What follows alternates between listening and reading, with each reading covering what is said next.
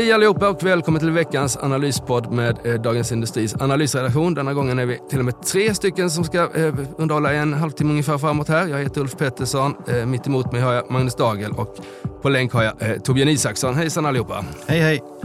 Bra, det är den 8 december. Klockan är strax över 10. Börsen är oförändrad eh, idag, men den har gått upp under veckan och det ser ut att bli fjärde veckan i rad med en stark börsutveckling. Så det goda tider på börsen i alla fall, men det är inte goda tider överallt. Eh, vi ska bland annat, Torbjörn, prata om 13 riktigt dåliga eh, bolag och affärer som du har börjat skriva om i tidningen. Och du ska ju också prata om, om eh, faran med att göra nyemissioner och lite fastighetsbolag och sådär. Just det, och eh, vi ska prata lite Tesla också. Och så kommer det eh ett aktietips som vanligt också.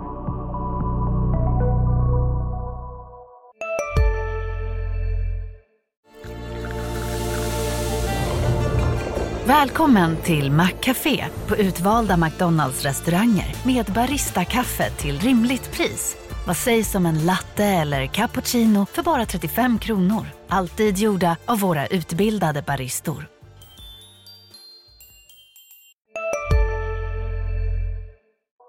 Men ska vi börja med dig Torbjörn. Eh, vad var rubriken på din text? 13, de 13 sämsta affärerna eh, sedan seklets början, var det inte så? Det är 13 kan man säga olycksbådande teman som jag går igenom av eh, stora företagsaffärer som har skett under 2000-talet. Och eh, där börjar det ju med IT och telekombubblan med Framfab och Icon Media Lab och eh, det här var ju Jonas Birgersson, Johan Ställ von Holstein. Sen har vi ju riskkapitalbolag och grusade förhoppningar där de har ju, de har ju levt gott på låga räntor men när när räntorna nu stiger så, så är det problem för högbelånade bolag. Och ett exempel eh, som du också varit inne på, det är det här marknadsundersökningsbolaget Sint som Nordic Capital satte på börsen 2021. Precis. Och deras eh, köp av en amerikansk branschkollega. Där eh, Sints börsvärde är ju väldigt lågt jämfört med det. Sen så har vi ju kommuner då som säljer, där, där ett exempel är när, Malmö och lite andra kommuner sålde sin aktie Sydkraft till det som blev E.ON och nu sitter de ju fast med ett eh, monopol på elnät och eh, fjärrvärme med E.ON och det är inte särskilt lyckat. Och en parallell är ju alla de kommuner som har sålt sina fastigheter till SBB. Det är de inte så nöjda med idag. Nej, det får vi väl säga också. Det, är ju inte, det kommer ytterligare, listan blir så att säga fulltalig framöver här. Men är det, finns det ett par, tre gemensamma nämnare som man liksom ska särskilt varna för eller är det liksom 13 specifika fall? Nej, ja, det, det, är, det är väl lite olika varianter men det finns vissa saker som återkommer. Det är, det är väl lite tidsandan och det är ju ofta dålig ägarstyrning. Eh, det, det är ju gemensamt. Så du kan ju, ofta är det ju en eh, en eh, ledning i de här bolagen som eh, far iväg utan att det finns någon ordentlig styrning av dem. Och det, det är mest tydligt kanske i de här eh, statliga exemplen. Ja, men det tänkte jag på när jag läste dina punkter där, att det är ju liksom mycket Alltså just dålig ägarstyrning, att det, det är svaga ägare som inte är drivna av, vad ska man säga, vinst på något sätt. Man ser Telias till exempel köp av TV4 där, vi ser Heimstaden eh, också. Eh, där, där, det, där är en konstiga ägarkonstellationer helt enkelt. Eh, och i Telia till exempel ägs ju, eh, dominerar ju staten som ägare. Och i eh, Heimstaden-affären så är det en konstig ägarkonstellation eh, mellan pensionskapitalet och eh, en ultradriven kapitalist eh, i Norge. Eller? Ja. Ja, skulle jag eh, efter att ha läst in och, och liksom varit med ett tag i det här så är, ofta är det, det är de här, och det är också ägarstyrning, det är de här styrelserna och, och vd som, som följer med i, i tidsandan alldeles för mycket på något sätt. Man, liksom, man, man gör stora affärer på toppen i den, när, när bubblan är som störst ofta och då blir det väldigt dyrt. Eh, en, en sån där faktor. Sen så tycker jag också att många av de här har ju gått snett i sina utlands när man ska in på en ny geografisk marknad eller ska in, ska in på något sätt liksom så, så blir, det, blir det fel. Den som har förlorat mest pengar är väl nästan Vattenfall och Nuon Och det var ju liksom en ny, en ny geografi, geografisk marknad där som, där man liksom inte riktigt tänkte sig för i, i Vattenfalls styrelse. Ja, nej, men det stämmer. Alltså utlandsaffärer är ju klart överrepresenterade. Bra. Ska vi vandra vidare till nutiden, Magnus? Så eh, sitter du och fortsätter granska eh, fastighetsbolag. Du har, eh, har tittat på K2A och eh, kommer de landa på listan någon gång i framtiden eller hur ser det ut för dem tycker du? För att göra nyemission menar du? Ja, och eh, bli utspädda och eh, kursfall och Ja, allting. risken är nog rätt hög ska jag säga. Mm. Eh, utan det jag tittar på här då, det är att eh, många fastighetsbolag har ju mycket alternativ finansiering som man glömmer bort. Alltså de har hybrida hybridobligationer som var populärt, de har preffar utestående. Men det här glömmer man ofta bort när man eh, tittar på räntetäckningsgrad och om man tittar på belåningsgrad. Men det här är ju finansiering som all annan och det ska man ju ta hänsyn till. Och i, I det här fallet i K2 tyckte jag det var väldigt intressant för det blir så stora skillnader eh, i belåningsgrad och räntetäckningsgrad om man tar med alla finansieringskostnader. Så jag tog till exempel eh, tittade på belåningsgraden som ökar då från rapporterade 65 procent upp till 79 procent om du, om du tittar på inklusive hybrider och tar genom förvaltningsfastigheter. Och eh, räntetäckningsgraden sjunker ner till 1,0. Alltså att, att räntekostnader och finansieringskostnader är lika stora som rörelsevinsten, vilket är ohållbart. Så det är ett exempel på det. Och varför, men bolagen, du får räkna fram de här siffrorna själv eller går de att hitta? Eller det, måste, det måste finnas många liksom, sparare där ute som oj, oj, oj, nu måste jag liksom titta på det också. Hur, eller hur? Ja, Varför det här då? får man, eh, de flesta bolag rapporterar på eh, liksom nio månader eller tolv månader tillbaka. Men det är ju en förskönad bild i och med att ränte, räntorna har ökat kraftigt och man har lägre räntekostnader tidigare. Så jag tittar på eh, tredje kvartalet isolerat. Jag brukar göra när jag räknar en eh, räntetäckningsgrad.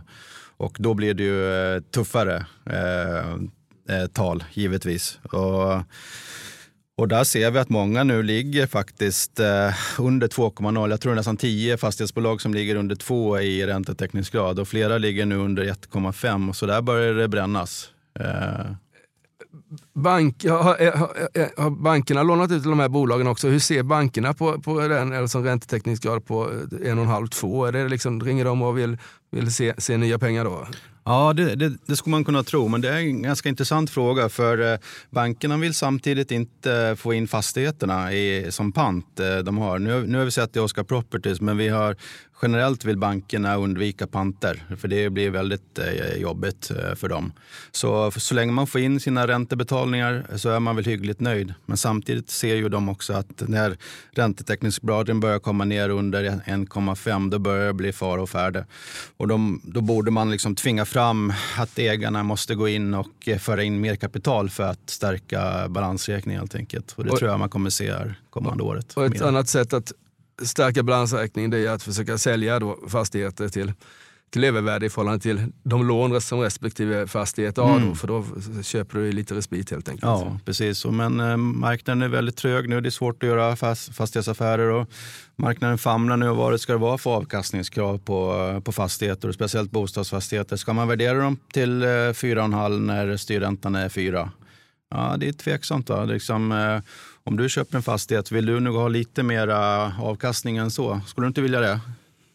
Jo, det är, det är väldigt lite. Det är en liten felmarginal. Eh, eh, sen så kanske man ändå får förmoda att räntan kommer gå ner kommande 12 månader, men det är fortfarande alldeles för lite. Eh, och det tycker ju alla också. Men det är klart, det var ju en annan värld när, när centralbanken, Riksbanken hade minusränta och köpte obligationer på marknaden. Eh, det var ju en, en det var ju en sjuk värld som vi kommer att prata om, precis som vi har pratat om eh, eh och som Torbjörn pratade om här kring eh, IT-håsen år 2000. Det är några, något, något, något eller ett par år. Har du några tankar Torbjörn om, om det som eh, vi pratar om här inne i studion kring, kring fastighetsbolagen och, och, och vad det är som, som håller på att hända? Nej men det är väl just det där att många har så extremt små marginaler nu så att det, det, det kommer väl att krävas kapitaltillskott i ett antal bolag kan man anta. Va? Och vi ser ju att eh, styrelserna i många fall så är aktierna lågt värderade som vi har sett till exempel i Viaplay, eh, John Mattsson och så att styrelserna drar ju sig långt för att göra nyemission för det blir sådana kraftiga utspädningar. Eh, vi har sett i, i Viaplay var det ju enormt, alltså nya aktieägarna tar ju liksom nästan hela bolaget där och det tror jag att många, många styrelser dras in i det längsta för att göra nyemission eh, på de här nivåerna. Ja, ja, det har jag sett. Besqab gjorde ju sin, det sänkte ju också aktien, men det är ett tag sedan nu. Men den var nog ganska bra, för de var faktiskt ute i förtid när det gick att göra nyemissioner. Så ja. de ska nog vara glada för det. Ehm, ja, det är spännande, för det, är inte, det man inte vill se i börsskärmen nu är ju en, en, en, en Viaplay-emission i något bolag som man, som man äger eller så. Hej, Ulf Kristersson här. På många sätt är det en mörk tid vi lever i. Men nu tar vi ett stort steg för att göra Sverige till en tryggare och säkrare plats. Sverige är nu medlem i Nato. En för alla, alla för en. Har du också valt att bli egen? Då är det viktigt att skaffa en bra företagsförsäkring. Hos oss är alla småföretag stora och inga frågor för små. Swedeas företagsförsäkring är anpassad för mindre företag och täcker även sånt som din hemförsäkring inte täcker. Gå in på swedea.se företag och jämför själv.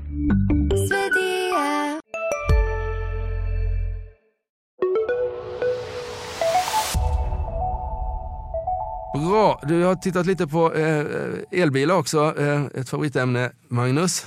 Ja, det ständiga favoritämnet. Mm. Nej, men Tesla har ju varit eh, i ropet här igen efter lanseringen av Cybertrucken här som blev, fick väldigt stort mottagande tycker jag. Eh, men tittar man på estimaten framåt så kommer ju Cybertruck vara en nischprodukt. Jag vet inte, det känns tveksamt om den kommer komma till Europa och Sverige överhuvudtaget med tanke på den väldigt eh, kantiga fronten som inte är så bra för eh, fotgängare. Eh, men eh, så tittar man på Tesla så är ju liksom Model 3 och Model Y det kommer att stå för 90 procent av eh, volymerna under flera år framåt här om man tittar på analytikers estimat. Så det, det är väldigt mycket en, en eller två bilsprodukt fortfarande. Så, eh, men tittar man på på, på eh, liksom marknaden så lever ju Tesla sitt eget liv. Här. Aktien har ju nästan dubblats i år och trots att eh, vinstprognosen har justerats ner kraftigt. Och, eh, just det här med att det är bara två bilmodeller som jag tycker är lite konstigt. Så, Men de har eh, ändå gjort ett antal generationer. De har liksom, de började med noll 08-09 var det väl, så de har ändå funnits på marknaden nu i 15 ja. år och utvecklats. Ja, de har utvecklats hela tiden och de tänker nytt hela tiden. Mm. Det är ju mm. på många sätt ett fantastiskt bolag tycker jag. Uh, och, uh, men, men spetsen finns ju där och de borde ju rimligtvis bli tuffare för varje generation som kommer helt enkelt. Ja, och det såg vi nu eh, när vi testade årets bil här. Carl-Johan Leiland var nere i Danmark här och vi såg att alla var ju elbilar stort sett. Så det kommer ju, konkurrensen blir ju tuffare och tuffare. Men eh, jag tycker när man läser det så ser man att det är mest fokus på räckvidd fortfarande. Men jag, liksom, jag tycker det, fokus måste ju vara på att få ner priserna eh, så att det blir liksom en så att alla kan köpa dem på något sätt. Eh, att det blir en massprodukt på något sätt. Men där, där är Tesla ledande. Det är ja. väl inte så superdyrt för deras billigaste modell längre. Nej, och då kommer ner och de har sänkt priserna ordentligt. Då. Jag såg på i estimaten så har väntats en genomsnittspriserna ASP gå ner 15 procent i år jämfört med förra året. Och det har ju varit väldigt illa för deras rörelsemarginal som har nästan halverats i år. Mm. Så, men, men de äh, gör rätt saker tycker jag. Utan Nej. fördubblats. Eh, Torbjörn, är det någonting annat du har tänkt på under veckan eh, som du vill prata om innan jag kör mitt eh, aktiecase här?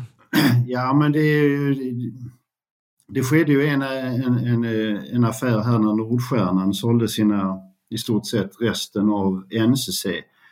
Och det hänger ihop med det vi pratade om alldeles nyss här med, med nyemissionerna. Va? Att då, då har Nordstjärnan sålt aktier för 1,1 miljarder på några veckor.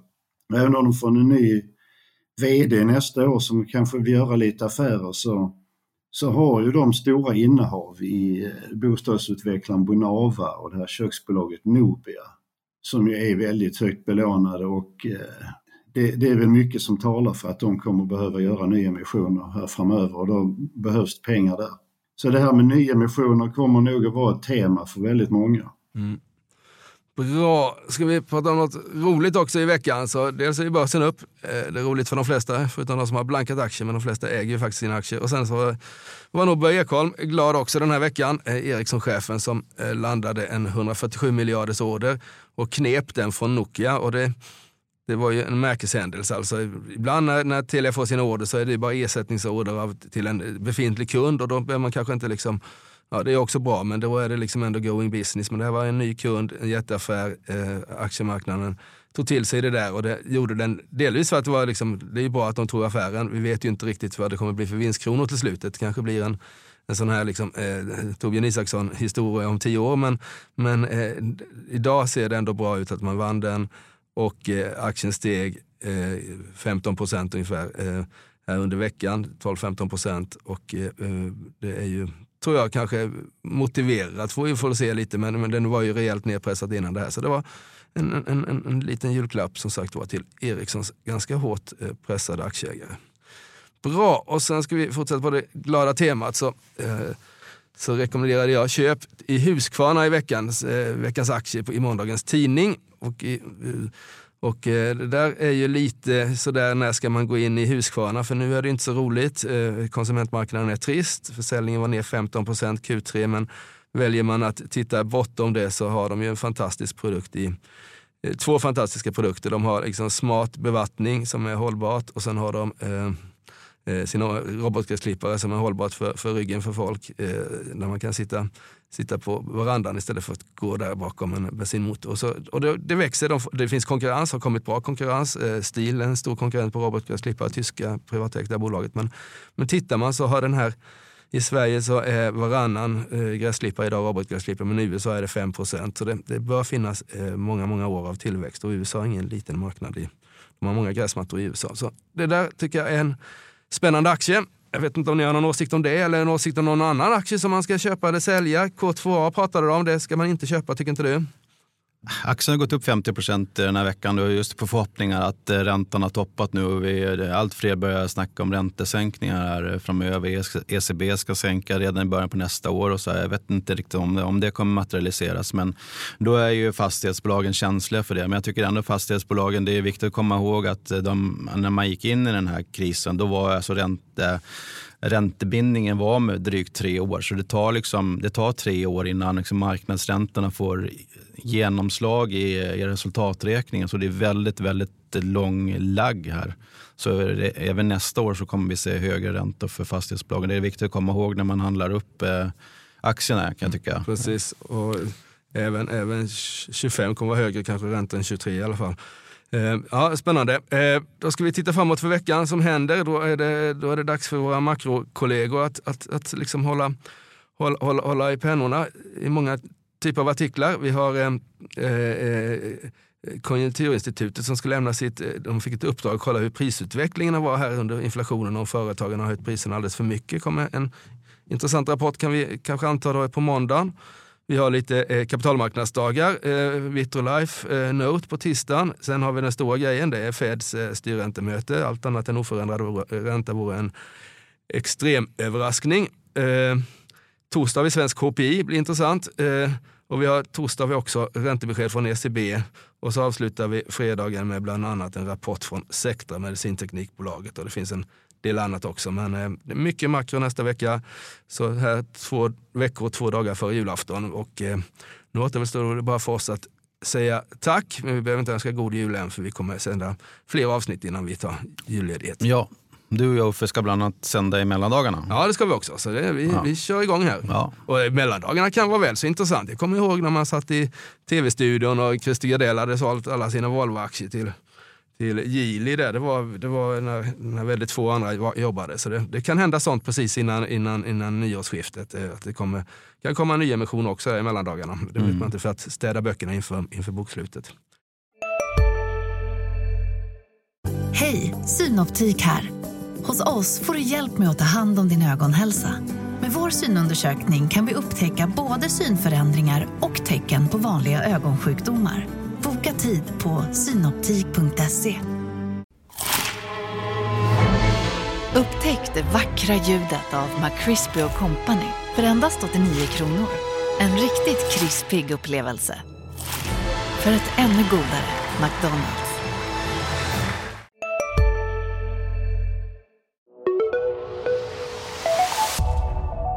Nu får vi tacka för oss. Ulf Pettersson heter jag och med mig denna fredag förmiddag har jag haft Torbjörn Isaksson och Magnus Dagel. Tack så mycket. Stort tack och trevlig helg. Du har hört en podcast från Dagens Industri. Ansvarig utgivare Peter Fällman.